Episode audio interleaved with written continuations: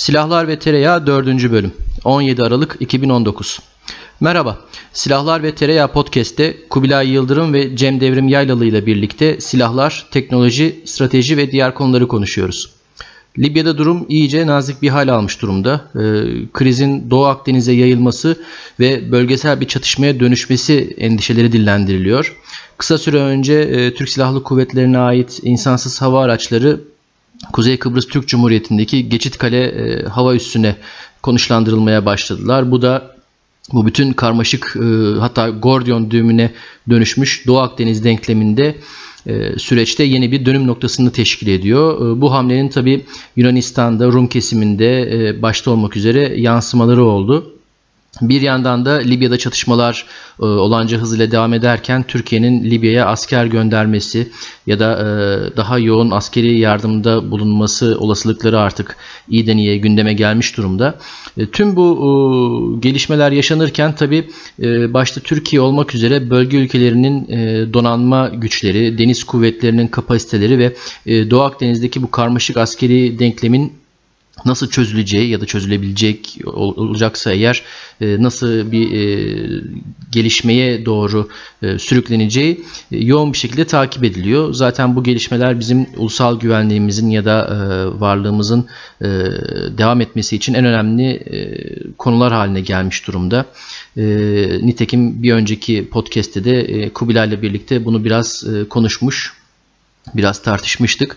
Ee, bugün de Cem Devrim Yaylalı ile birlikte biraz daha e, belki deniz kuvvetleri donanma e, ağırlıklı olarak e, yine Doğu Akdeniz'i ve bölgedeki deniz güçlerini birlikte konuşacağız. Cem hoş geldin. Hemen ilk sözü sana vererek açılışı başlatalım. Ne dersin?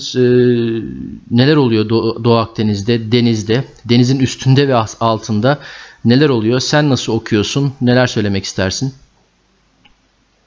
Ee, öncelikle merhaba. Ee, üç e, şeyi dinledikten sonra ilk üç programı dinledikten sonra dördüncüsüne konuk olmak e, gerçekten çok büyük bir mutluluk. E, şimdi e, Doğu Akdeniz'de neler oluyor e, diye sorduğunuz zaman tabii şey aslında en büyük ve en önemli son gelişme e, Türkiye ile Libya arasında imzalanan ve e, aradaki sınırın e, belirlenmesini sağlayan anlaşma oldu. E, bu tabii birçok e, dengeyi değiştirdi. Çünkü e, benim görebildiğim kadarıyla e, adına e, doğalgaz ittifakı diyeceğim ekip ya da ülkeler birliği e, bunun e, gerçekleşmesini pek öngörmüyordu. Çünkü Libya bildiğiniz gibi şu anda iki e, tarafın e, iç savaşına şahit oluyor. Ülkede bir milli birlik veya bir milli hükümet yok. Bütün e, e, fraksiyonları ya da bütün e, kabileleri temsil eden. Hatta bir ara üç hükümet vardı. Şimdi ikiye düşmüş. E, ve e, bizim tabi avantajımız e, belki de e, Birleşmiş Milletler tarafından tanınan hükümetle bu sözleşmeyi e, imzalamış olmamız. Ama hukuken bunun ne kadar e, geçerli olacağı veya bizim desteklediğimiz tarafın Libya'da üstün gelip gelmeyeceği gibi tabii başka sorular da var. E, bir görüş diyor ki e, kimin e, sonuçta üstün geleceğinin önemi yok. Önemli olan sözleşmenin imzalanmış olmasıdır. Sonuçta Libya Libya'dır. Türkiye Cumhuriyeti kurulduğunda Osmanlı'nın bazı sözleşmelerini devam ettirmişti. Yeni gelen hükümette bunu devam ettirebilir diyor ama her zaman her şey o kadar güzel veya düşünüldüğü gibi olmayabilir. Ama bu hareketin e, yani Libya ile Türkiye arasında bir sınırın belirlenmesi tabii ki e, uzun zamandır aslında bir yerde donmuş olan e, bazı fay hatlarını Akdeniz'de tekrardan harekete geçirdi. E, Yunanlar ve e, Kıbrıs Rum kesimi bunun kesinlikle geçerli bir sözleşme olmayacağını, hukuken geçerli olmayacağını iddia ettikleri halde e, biliyorsunuz e, Libya'ya e, ambargo şey Libya'dan kalkan uçakların ülkelerine gelmelerini falan yasaklamaya başladılar. E, dikkati çeken e, önemli aktörlerden biri İsrail. O da sessiz kalan kalaraktan ve mümkün olduğu kadar e, ortalığı bulandırmadan şu anda konum almaya çalışıyor. Çünkü e, Türk tarafının tezi şu, Türkiye'nin önerdiği şekliyle yapılacak anlaşmalar hem Mısır'a hem e, Libya'ya hem de İsrail'e şu andaki imzalamış oldukları anlaşmalara göre daha fazla deniz yetki alanı bırakacak. Böylelikle e, bu üç ülkenin kendi hakimiyetlerindeki deniz alanı artmış olacak. Şimdi e, biliyorsunuz deniz aslında e, ancak orayı siz gidip de kullanırsanız sizin oluyor. Çünkü bir karada olduğu gibi denizin üzerine bir e, sınır çizmek, bir tel çekip de burası benim kardeşim buraya giremezsin demek mümkün değil. Ancak siz o sizin sahiplendiğiniz deniz sahasını kullanmanız lazım. Bunu e, balıkçılıkta yapabilirsiniz. E, altındaki doğal kaynakları çıkararak yapabilirsiniz. E, üstünde sportif faaliyetler yaparak e, kullanabilirsiniz. Ya da ne bileyim e, burası benim e, koruma bölgemdir, kurtarma bölgemdir. Burada meydana gelecek herhangi bir kazada e, e, kazazedeleri ben gelir kurtarırım, işte e, tehlikeye girmiş olan gemileri ben gelir kurtarırım gibi bir hak iddia edeceksiniz ve bunu uygulayacaksınız aslında. Yani sadece hak iddialarla olmayacak. Bunu bir fiil yapmanız lazım.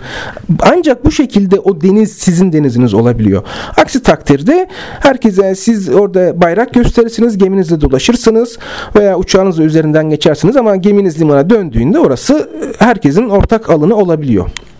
O yüzden e, şimdi Doğu Akdeniz'de Türkiye Libya ile bu sınırını netleştirilerek e, o bölgelerde de hak iddia etmeye başlayınca tabii diğer e, ülkelerde buna göre bir pozisyon almaya başlayacaklar ve hani yeniden e, bir e, taşlar oynamaya başlayacak diye ben okuyorum en azından çok e, ilk başta hani şimdilik bunları söyleyeyim.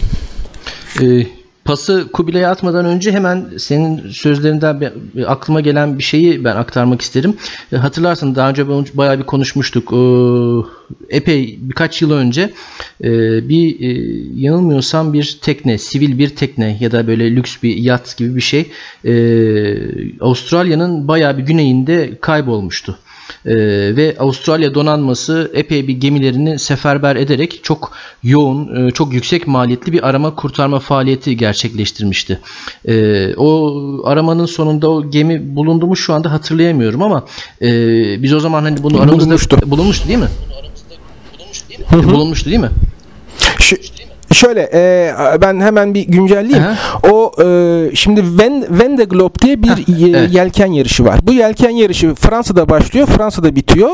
Yelkenli tek kişi var ve e, dünyanın etrafını dolaşacaksınız. En hızlı dünyanın etrafını kim dolaşırsa e, yarışı o kazanıyor ve tekte tek kişilik. Yani daha doğrusu tekte tek kişi bulunması gerekiyor. Ve bu yarış sırasında herhangi bir limana girip e, durmak da yasak.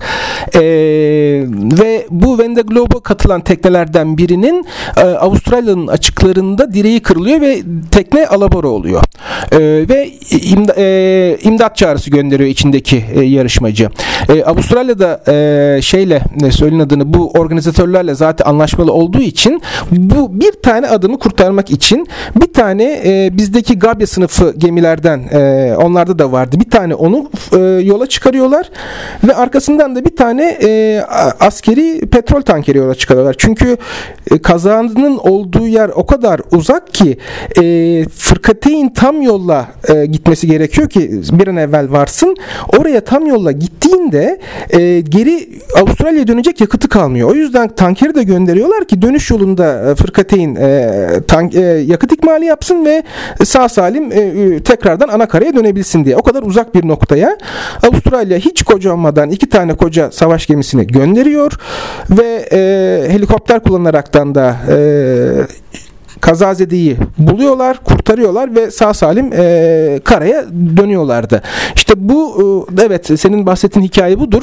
Bu şunun göstergesi yani Avustralya diyor ki bu denizler işte ne oluyor? Güney Okyanusu o 30'lar 40 dereceler yani aslında her zaman fırtınaların olduğu ve fazla da e, ticari trafiğin olmadığı denizlere dahi diyor ki buraları benimdir. Buralarda başınıza bir şey gelecek olursa bunun şeyi garantörü benim.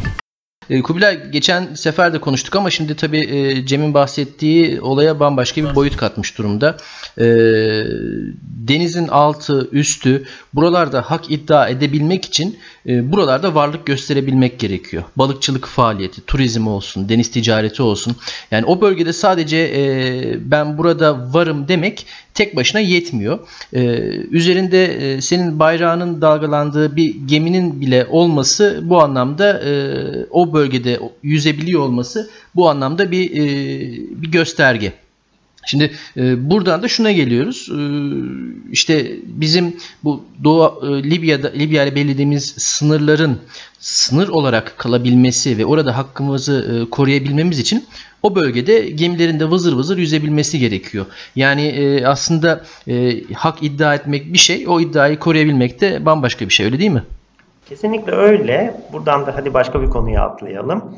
Ee, eşelediğin e, işte sürekli bir şeyler yaptığın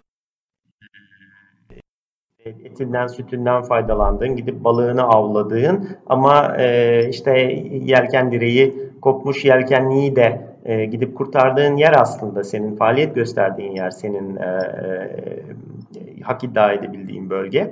Şimdi bunun da bir süreç olarak ileriye doğru taşındığını aslında e, yeniden envanterimize baktığımızda görüyoruz. Misal e, sahil güvenliğin envanterine e, nispeten yakın zamanda katılan 90 evet, metrelik evet. 4 tane e, korvet sınıfında 2000 tona yakın e, gemi var TCSG. DOST sınıfı e, kurtar, çok uzun menzilli kurtarma evet. gemileri. Bunları biz sağ olsunlar işte e, e, batımızdaki ve güneyimizdeki müttefiklerimizin işte Türkiye'ye e, biçtiği minyatür e, deniz alanında gidip işte Yunan teknelerini, Yunan sahil güvenliğini mahmuzlamak için koymadı aslında sahil güvenlik tedarik planına. Bu oldukça uzun süredir deniz kuvvetlerinin, deniz kuvvetleriyle sahil güvenliğin dirsek temasıyla çalıştığı dönemlerde planlanmış.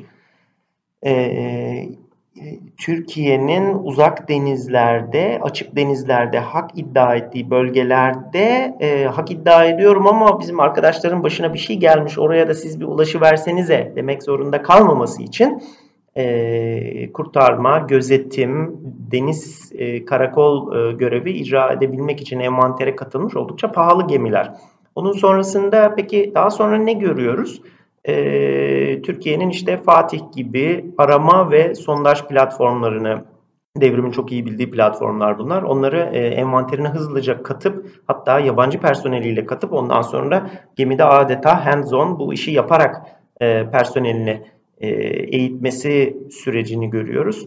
E, bu şekilde de zaten hani denizin dibinde 2000 küsür metrenin altından daha da delerek e, çıkarılacak doğal gazı aslına bakarsanız uluslararası konsorsiyumları ikna etmeden e, şey yapmak, e, dünya pazarlarına sunmak yahut da ben bu gazı çıkardım nasıl olsa şimdi de o ben arabalarıma e, taksicilerin e, şeyine LNG olarak evlere ısıtma olarak basarım demek tabii kolay değil. O arada dev bir endüstriyel ve teknolojik zincir var. Bunlar çok yüksek teknoloji işler e, uluslararası konsorsiyumları bu teknolojiye ve e, kapitale sahip olan e, firmaları, ülkeleri ikna etmeden bunu e, faydalı hale getirmek pek mümkün değil. Ama yine de Türkiye parasına kıydı, e, saatlik masrafını halen e, kıyıyor bunların ve 3 e, platform, 4 platform sürekli bu bölgede bir yerleri eşeliyor, deliyor, bir şeyleri deniyor, tanıyor o bölgeyi ve bayrak gösteriyor.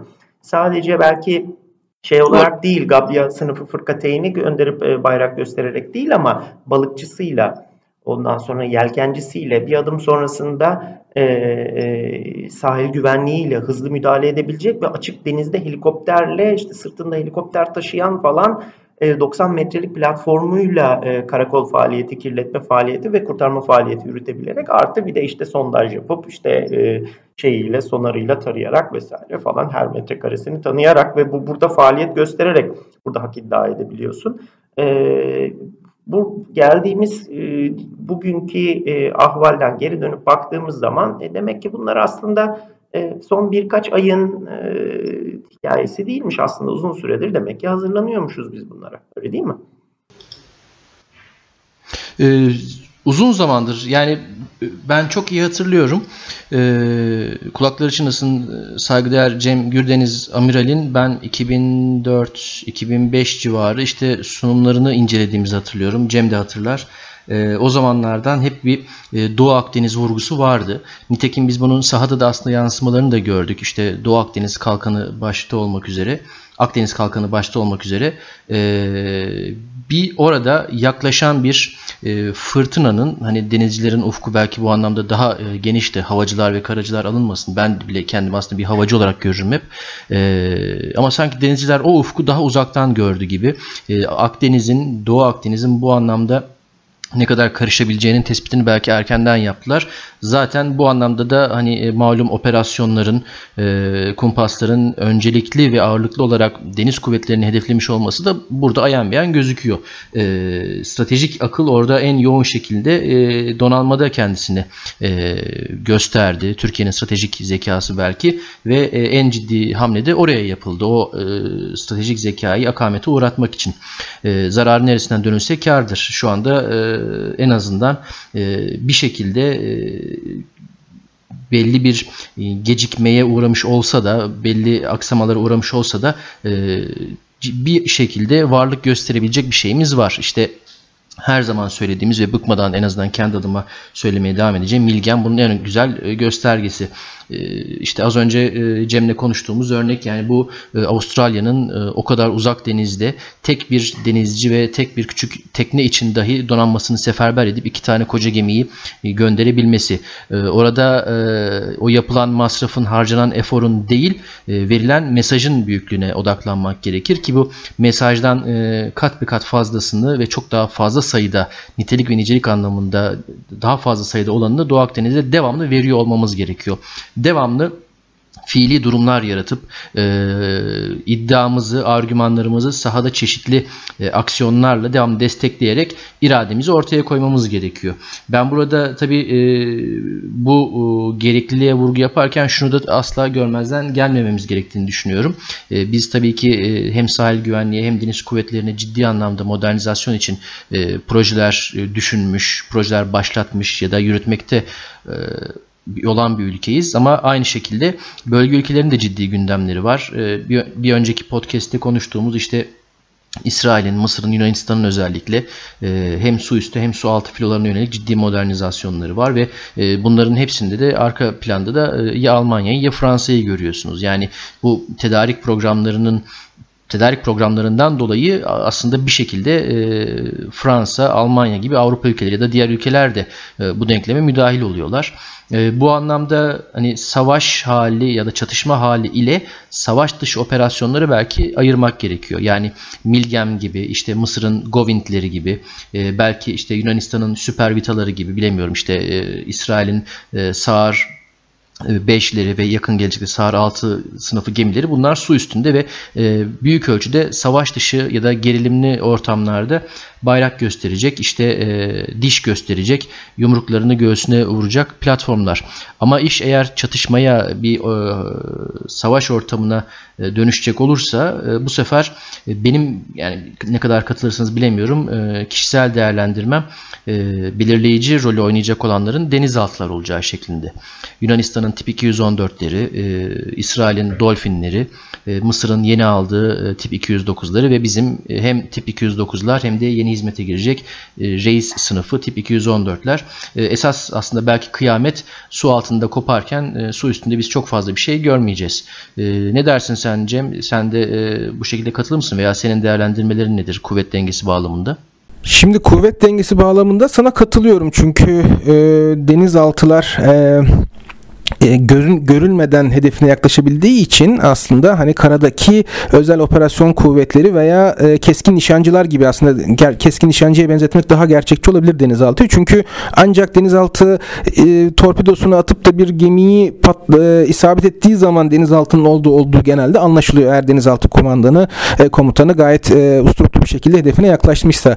O yüzden hani e, derler ya iki tip e, gemi vardır denizaltılar ve hedefler diye.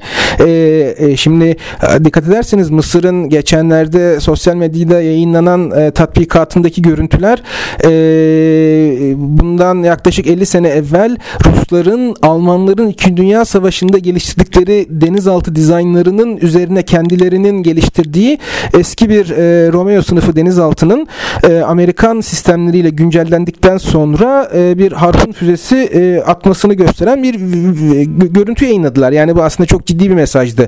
Diyor ki benim yeni denizaltılarım var, eski denizaltılarım var ve eski denizaltılarımın da hala çok ciddi dişi var diyor.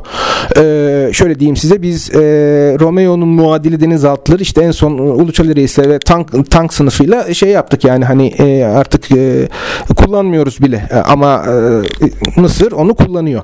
Tabii e, bu şey e, o konuda e, denizaltıların konuda e, istihbarat topladıklarını şu anda bence vızır vızır aşağıda denizaltı dolaşıyordur. Dikkat ederseniz bir de e, Girit'te e, bir Amerikan nükleer denizaltısı var USS Florida ve bu e, eski bir balistik e, füze atabilen bir saldırı denizaltısı iken e, cruise füzesi atacak şekilde e, şey yapıldı, e, modifiye edildi ve şu anda so- su- e, NATO'nun ya da işte Girit'teki suda üstünde bir e, şeyden geçiyor. Ufak bir tamirat veya bir modifikasyondan geçiyor ve mm, mesela Amerikalılar da burada. E, diğer ülkeler tabii söylemiyorlar. Fransızlar, İtalyan, Fransızlar, İtalyanlar kesin vardır. İngilizler de muhtemelen vardır ama hani göremiyoruz. E, Soğuk Savaş zamanında Hollandalılar bile Akdeniz'de çok ciddi operasyon yaptılar. Hani onlar bile burada oluyor olabilirler aslında suyun altında. Tabii hani e, kimse bunları görmediği ve bu e, yapısı gereği denizaltı e, filoları da hani sessiz servis olarak bilinip de yaptıklarını e, reklamını yap, e, yaptığı işlerin reklamını yapmadıkları için hani kim ne var aşağıda bilemiyoruz ama aşağısının yukarıya kıyası çok daha kalabalık ve e, komplike bir pozisyonda olma ihtimali var. Ben senin şöyle dediğin bir şeye e, vurgu yapmak istiyorum. Şimdi dedin Govind'ler geliyor. E, Fransa'dan işte Dolphin sınıfı denizaltılar, Meko e, sınıfı frikateynler alıyor e, İsrail e, Almanya'dan. E, aslında burada bir yerde de bir cephe gözüküyor. Çünkü şimdi Doğu Akdeniz'de Türkiye'ye dayatılmaya çalışılan ve ilk çıktığı yer Sevil Üniversitesi olduğu için Sevil e, haritası olarak bilinen bir harita var. Ve bu harita e, Avrupa Birliği'nin bir çalışması için hazırlanmış bir harita. Ve burada Meis Adası üzerinden Türkiye'nin çok ciddi bir e, deniz alanı e, gasp edilmiş vaziyette. Ve e, dikkat ederseniz şu anda Fransa olsun, İtalya olsun, Almanya olsun e, Türkiye'yi itidale çağırıyorlar ve diyorlar ki lütfen hani hukuka e, gelin Libya ile ne yapıyorsunuz falan diyorlar. Çünkü Türkiye'nin e, bu Libya ile yaptığı anlaşma diğer ülkeleri de etkiliyor. Çünkü e, Avrupa Birliği'ni bir bütün ho- homojen bir bütün olarak düşünecek olursanız eğer e, Türkiye Libya ile sözleşmesini imzalayıp da sınırını deniz sınırını belirlemeseydi Almanya Mısır'la komşuydu. Kıbrıs, Güney Kıbrıs üzerinden Almanya e, Mısır'la komşuydu. Şimdi burada bir de işin o tarafı var. Onu da düşünmek lazım. Yani hani eee, hep hep söylenir ya artık hani eskiden soğuk savaş zamanında daha işler biraz daha kolaydı sanırım. Yani dostun düşmanın kimdi biliyorsun. Şimdi e, dostun düşmanın dostun hem dostun hem düşmanın olabiliyor. İşte mesela Libya'da e, Suriye'de ki e, durumu kontrol etmek için Rusya ile bir işbirliği içindeyiz. Ama Libya'da Rusya ve Türkiye karşı tarafları destekliyor. Yani Rusya şimdi senin dostun mu düşmanın mı? Eskiden çok netti. Şimdi o kadar net değil artık. E, birazcık daha e, e, hem can sıkıcı hem de artık işleri kompartize etmek gerekiyor. Yani hani e, fuzi lojik dediğimiz e, siyah beyazdan o green'in 50 tonuna doğru gidiyoruz galiba. Uluslararası ilişkilerde de. Bulanık mantık her yerde. Hayatımızın her yerini kontrol ediyor. Ee, s- kapatmadan Evet, önce öyle. e, son olarak tekrar e, Kubilay'a e, döneyim. Ondan sonra da e, bu bölümü kapatalım. E, Kubilay hani e, yani Cem'in aslında konuyu getirdiği yer e, gerçekten hani meseleyi daha da karmaşıklaştırdı. E, Ru- Rusya örneği işte e, Suriye'de e, partnerimiz belki ya da çıkarlarımız e, büyük ölçüde örtüşüyor. Ancak Libya'da e, Rusya'nın Hafter'e verdiği bir destek var. E, Biz karşı kamptayız. E, Rusya ile karşı karşıyayız. E, Mısır'la mesela Rusya'nın şu anda e, çok iyi ilişkileri var. Hızla gelişiyor. E, ama biz Mısır'la e, pek iyi değiliz gibi gibi. Ya da işte e, hatta daha da cepheyi genişletelim. E, Rusya e, Ermenistan'la çok yoğun e, savunma ve askeri işbirliğine sahip. E, Ermenistan'da askeri üssü var, savaş uçakları var. Yeni savaş uçakları sağlıyor Ermenistan'a ve hatta Ermenistan'da İskender tipi e, balistik füzeleri dahi var. E, ama öte yanda biz e, karşı taraftayız. E, bu karmaşık e, ilişkiler ya da bu tarz e, çapraşık e, ittifaklar içerisinde hani gerçekten de yolumuzu bulmamız, e, mayınlı sahadan e, geçmemiz ve kendimize daha geniş bir özgürlük alanı yaratmamız e, ciddi bir cambazlık yeteneği geliştirmemizi gerektirecek gibi düşünüyorum ben. Kesinlikle katılıyorum. Ben uzun süredir bilirsiniz zaten hep bunu savunuyorum. Ee, dostu, düşmanı, işte paktı bilmem nesi falan yok artık. Herkes kendisi için ama çok dinamik, çok akışkan ve akla ve kapasiteye e, ve bir politikaya dayanan iletişim ve ilişki. Bu e, bence bize uygun, bizim kolay adapte olabileceğimiz bir süreç. E, şimdi Rusya'yı ele alalım e, Rusya ile birden çok yerde hem ilişki ama aynı zamanda da belirli yerlerde de e, masa üzerinde çatışır haldeyiz. Doğru e, hem turistlerini ağırlıyoruz işte meşhur domatesleri satıyoruz. Aynı zamanda diyoruz ki e, S-400'ünü alalım ama gel sen burada Akkuyu'da bize nükleer santral kur. Hatta e, senden kömür alalım. Aa bizde bir sürü e, buğdayı yani ham e, gıdayı e, paketli yiyecek haline getirecek endüstri var. Senden e, buğday alalım ki Rusya ile buğday e, ticaretimiz gittikçe artıyor. E, senden doğal gaz alalım. Aynı zamanda senin doğal gazını Avrupa'ya bağlayacak hatları senin üzerinden geçirelim. Ondan sonra diyoruz Suriye'de böyle seviyeli bir ilişkimiz var. Ben bunu böyle büyük bir e, e, sarmaş dolaş bir ilişki olarak görmüyorum. Ama öte yandan e, Cumhurbaşkanı gidiyor ve e, şey e, Ukrayna'da ben Kırım ilhakını tanımam e, da diyor. E, hatta bir adım ileri gidiyor ve e, aslında e, Ukrayna e, devletine silahlı insansız hava aracı veriyor. Fakat orada da benim görüşüm e, neden daha e, mesela Anka'ya göre işte uydu e, e, e, kontrol kabiliyeti olan biraz daha yük taşıma kabiliyeti olan Anka yerine e, durduruyor ve e, aslında bir tık daha e, onun hafif sikleti olan e, Bayraktar İHA'sını veriyor gibi böyle ince bir ipi götürüyor. Ha bütün bunlar yanında da aynı zamanda işte Türk Denizaltısı, Türk Fırkateyni e, Baltıklar'da e, NATO ile birlikte e, tabii ki doğal olarak tatbikatını yapıyor falan filan. Bu e, enteresan bir şey. Ben hep tabii şuna inanıyorum. Buna inanan tek ben değilim. Tabii komik olur öyle söylesem ama e, uluslararası ilişkilerde dünyada e, ülkelerin duruşunda bir bir postür geliş, e, geliştirmesinde e, diplomasi ve askeri e, iğne o can yakıcılığın tabii çok kol kola gidebiliyor olması lazım. Fakat bunların dayandığı tabii bir ekonomi ve aynı zamanda e, teknolojik kapasite var. Bu konuda e, Türkiye'nin son zamanlarda enteresan bir e, bir, bir denklem çeşitliliği içerisine girdiğini düşünüyorum. Evet her ne kadar biz e, son zamanlarda özellikle personel bakımından e, Türk bürokrasisinin e, ve belki de hariciyesinin yahut da en azından diplomasi yapıcılığının e, bir miktar akamete uğradığını savunsak da fakat elde bir takım da farklı argümanlar da var. E, Doğru. Teknolojinin getirdiği bizim içerisinde debelenmek durumunda kaldığımız, talihsiz bulduğumuz bazı olayların bizi e, kötü komşu, ev sahibi yapar e, minvalinde sahip e, ettiği bir takım e, teknolojik kapasiteler ve bir takım platformlar falan var. Bunlar bize e, adeta kuvvet çarpanı gibi mislinin ağırlığının çok ötesinde bambaşka e, bambaşka ortamlarda, bambaşka e, sahalarda enteresan kaldıraç e, e, fonksiyonu e, görebiliyor. E, bir bir e, politikanız varsa, bir diplomatik bir duruşunuz varsa ve aynı zamanda da askeri ısırıcı gücünüz ve sahadaki gücünüz bununla çok böyle yan yana omuz omuza gidebiliyorsa o zaman işte istediğiniz etkiyi hızla durumları eskale ederek e, alabiliyorsunuz.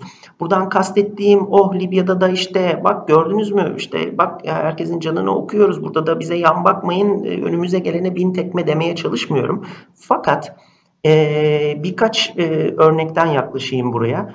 E, Sur Suriye'de e, Rusya ile geliştirmek zorunda kaldığımız, zorunlu olarak ve aslında istemeyerek geliştirmek zorunda kaldığımız askeri politik böyle biraz biraz karman çorman e, iletişim ve ilişki bizim işimize Libya'da yarıyor ve yarayacak gibi görünüyor. Biliyorsunuz e, Ocak ayında e, Putin ve Tayyip Erdoğan bu, bu konu e, özelinde de görüşecekler anlaşılan. Ee, ve bizim bir süredir terörle mücadeleden dolayı geliştirmek zorunda kaldığımız işte çeşitli zırhlı kapasitemiz, e, meskun ve arazi e, gelişmiş komando operasyonları kapasitemiz, iletişim, kuvvetlerin birbirini tanıması ve en önemlisi de silahlı silahsız e, insansız hava aracı keşif kabiliyetlerimiz döndü dolaştı bize Libya'da çok küçük bir şeyle, ayak iziyle çok büyük bir e, fark yaratma e, kapasitesi sundu. Dolayısıyla bu e, biraz önce devrimin söylediği gibi daha fazi, daha daha bulanık bir e, daha hercümerç bir bir bir e, saha e, gösteriyor, zorunlu kılıyor bize. Burada da evet belirli diplomatik amaçlarımız var. O diplomatik amaçlarımız için adeta yan kapıda e, istişare edip sahaya etki koyabileceğimiz asgari kabiliyet ve kapasitemiz var. Kuvvet aktarımı kabiliyetimiz var ve bunları besleyecek yerli bir takım teknolojik imkanlarımız var. Eğer Milgen projeleri yahut da e, uzun erimli bir takım e, e, deniz kuvvetleri projeleri bundan 15 sene önce e, planlanıp e, faaliyete geçirilmiş olmasaydı biz deniz hattını kaybederek istediğimiz kadar elimizde insansız hava aracı olsun, istediğimiz kadar piyade operasyonu e, kapasitemiz olsun Libya'da güdük kalırdık. Bunlar biraz e, biraz planlama, biraz e, rast gelme, biraz da işte inat ile e, zaman içerisinde birbirinin üzerine etkili e, eklenen e, ve bir bir kaldıraç vazifesi gören e, enteresan tevafuklar olmuş gibi e, görünüyor. Ee, ben e, Kubilay'ın sözünün üzerine çok Tabii, kısa bir not lütfen, yapayım. lütfen. Belki daha sonra bunu konuşuruz. Ee, ben hep şunu söyledim ve iddia da ediyorum. 2011 yılında bizim Libya'dan yaptığımız tahliye Ha, operasyonu bugün e, TCG Anadolu'nun sahip olmamızın ana e, sebeplerinden biridir diyorum ve e, bunu da be- belki başka bir programda konuşmak üzere e, şimdilik notu buraya bir parantez içinde bırakayım. Yapılacaklar listesine güzel bir ekleme oldu. Hakikaten katılıyorum. Yani o süreci birlikte çok güzel takip etmiştik ve e, ciddi anlamda bizim için herhalde e, göz açıcı ya da e, uyandırıcı bir e, örnek olmuştu. Örnek bir hareket olmuştu. Muhtemelen hani e, askeri strateji ya da e, tedarik planlaması bağlamında e, Bosna Kosova harekatlarıyla birlikte Libya'dan yapılan o tahliye harekatının da e, önemli bir köşe taşı e, etkisi vardır diye tahmin ediyorum. En azından e, konuyu takip eden bizler açısından öyle olmuştu. Tahmin ediyorum planlayıcılar açısından da benzer bir etkisi olmuştur. Benzer bir deneyim kazandırmıştır. E, kesinlikle haklısın ve bu konuyu e, özellikle kuvvet aktarımı kabiliyeti bağlamında e, muhakkak e, konuşmamız gerekiyor. E, bu da demektir ki seni kolay kolay bırakmayacağız. Son olarak kapatırken ben şöyle Harika. ufak bir anekdotla kapatayım. Az önce hani e, hem senin hem Kubilay'ın e, bahsettiğiniz şey işte Türkiye'nin bu e, çok boyutlu girift e, politikalar e, geliştirebilme kabiliyeti ya da potansiyeline dair. İşte e, iki tane çocuk olunca bizim e, mecburen tatil imkanlarımız sadece her şey dahil otellerle kısıtlı oluyor. Bizim için tek çare onlar. E, geçenler geçen sene işte e, otelde yemek yerken Tabii malum güney kesimi Antalya'dayız. Ee, Antalya demek e, Rus turist demek. Ee, şöyle bir e, kafayı kaldırıp baktım ilk günümüzdü. Eşime dedim ki yani burada neredeyse tek Türk ya da e, 3-5 tane Türk aileden birisi de biziz. Tamamen Rus dedim ve bunu der demez şöyle bir etrafıma bir daha baktım. Yan masamızda mesela e, Dinamo Kiev e, formalı bir e, bey oturuyordu işte ailesiyle birlikte muhtemelen Ukrayna'dan gelmiş. Ama diğer masalarda işte Rusya'dan olduğunu tahmin ettiğim aileler var. E, şimdi o zaman bunu der demez eşime ikinci cümlemde şu oldu. Ya dedim bak hani e, bu aile belli Ukrayna'dan gelmiş. Yan masasında da muhtemelen Rusya'dan gelmiş başka bir aile var. E, bunlar sahada savaşıyorlar. Antalya'da aynı yerde denize giriyorlar. Ne kadar ilginç değil mi diye. E, tatil ortak paydasında buluşmuşlar. E, Türkiye'nin bir başka belki enteresan şeyi e, bir süredir hani bu kapsamda hani benim takip ettiğim başka bir e, güzel bir örnek, güzel olduğunu düşündüğüm bir örnekti kilise mevzusu. E, malum işte Ukrayna'nın kilisesi Moskova kilisesinden e, bağımsızlığını ilan etti ve bu iki ülke arasında ciddi bir gerilime neden oldu. E, Türkiye'nin de elinde e, Ortodoks e, Patrikhanesi kartı var ve bu kart üzerinden her iki ülkeyle ilişkilerini e, kurgulayabilme, yönetebilme ve bu bağlamda da aslında bölgedeki daha geniş o Karadeniz Havzası'ndaki politik dengeleri re belki sirayet etme imkanı var. Hani e, Ukrayna'ya yaptığımız işte insansız hava aracı ihracatı ama bir yandan da Rusya ile kurduğumuz savunma işbirliğinde de benzeri görüldüğü gibi. Bu da aslında üzerinde çokça okumamız, düşünmemiz ve belki çokça konuşmamız gereken başka bir konu. Ee, ikinize de çok teşekkür ediyorum. Gerçekten her zaman gibi e, çok keyif aldığım bir sohbet oldu. E, bol bol da kendimize ödevler çıkardık. hem okumak, araştırmak hem de yeni e, podcastler e, hazırlamak için. Sonraki podcastlerde de görüşmek üzere. E, böyleyken böyle. Bugünlük bu kadar. E, sonraki podcastlerde görüşmek üzere. Yayının sonu.